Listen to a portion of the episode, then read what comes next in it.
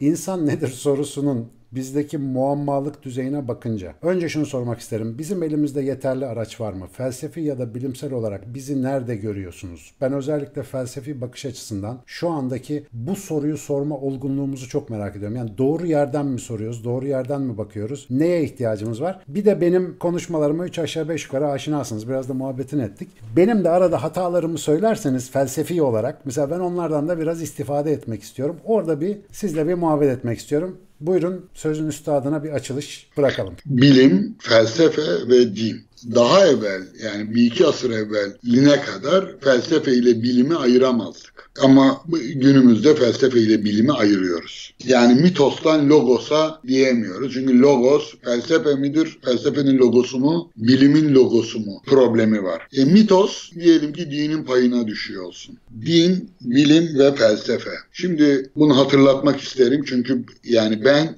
dizgesel düşünüyorum. Dolayısıyla dizgemle ilgili bir iki ipucu vereceğim. Böylelikle hem yapabilirsem sizin pozisyonunuzu açığa çıkarmaya çalışacağım hem kendi pozisyonumu. Nedir o? Bilim açıklar. Aç, açıklamak ne demektir? Açıklamak olguları bir neden sonuç dizgesine yerleştirmek demektir. Tekil olguları tümel ilkelerin altına getirmek demektir. Aristotelesçi nedenselliğe göre açıklasaydım dört tür neden var. Yani bizi izleyenler bağışlasın böyle ara bilgiler vermek zorundayım. Maddi neden, suri neden, fail neden ve gayi neden. Yani nedir bu? Bir masanın neden yapıldığını sorarsak maddesini sorarız. Deriz ki ahşaptan, tahtadan bir masa, demirden bir masa. Onun iskemleden ayıran tarafı masa formudur. O formal neden, suri neden, biçimsel neden. Birincisi maddi neden dedik, özdeksel neden. Peki bunu kim yaptı? Bir marangoz yaptı. Buna fail neden diyoruz. E peki niye yaptı? İşte yemek masasıysa üzerinde yemek yiyelim diye. Çalışma masasıysa üzerinde çalışalım çalışalım diye.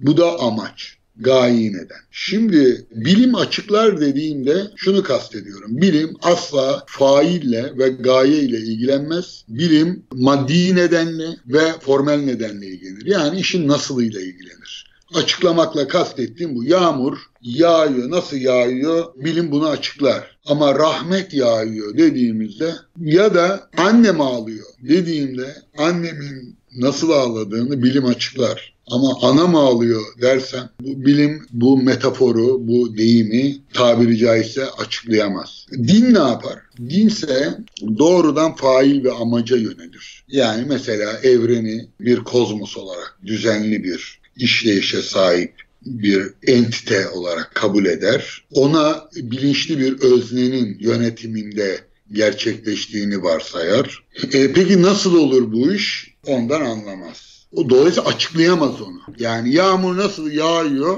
bilim bunu açıklayamaz. Kur'an, İncil, Tevrat bunu açıklayamaz. Yeteneğe buna izin vermez. Amacı Ama, da bu değildir galiba değil mi? Yani böyle bir amacı da yok açıklamak gibi.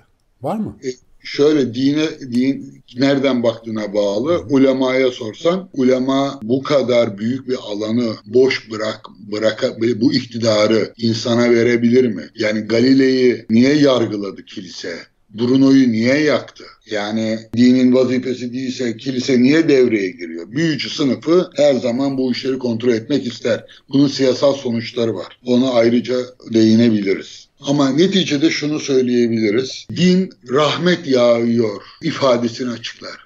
Ne demek burada? Rahmet yağıyor. Yani bir Rahman, bir Tanrı var. Merhametli, yukarıda bilinçli bir özne var. O bilinçli özne bizi düş- düşünerek toprak yağmuru emsin, bitkiler yeşersin vesaire. Doğa canlansın ve biz insanlar bilinçli öznenin bu eylemi sayesinde ki bakın bunu rahmet olarak adlandırıyor.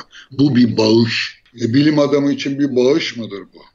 Değildir. Dolayısıyla bir kozmos vardır ve bu kozmosun bir sahibi vardır. Bu, dolayısıyla yeryüzünde ne yoktur? Dindar bilinç açısından, din açısından rastlantı yoktur, abes yoktur, saçma yoktur. Aman ne tuhaf şey diyemezsiniz. Çünkü bilinçli özneye hakarete kadar gider bu iş. Bu alemin bir sahibi varsa, Rabbul Alemin varsa, Rabbul Alemin abes boş bir şey yaratmaz. E, her şeyde bir hikmeti vardır. Anlamazsan hikmetinden sual etmeyeceksin filan falan.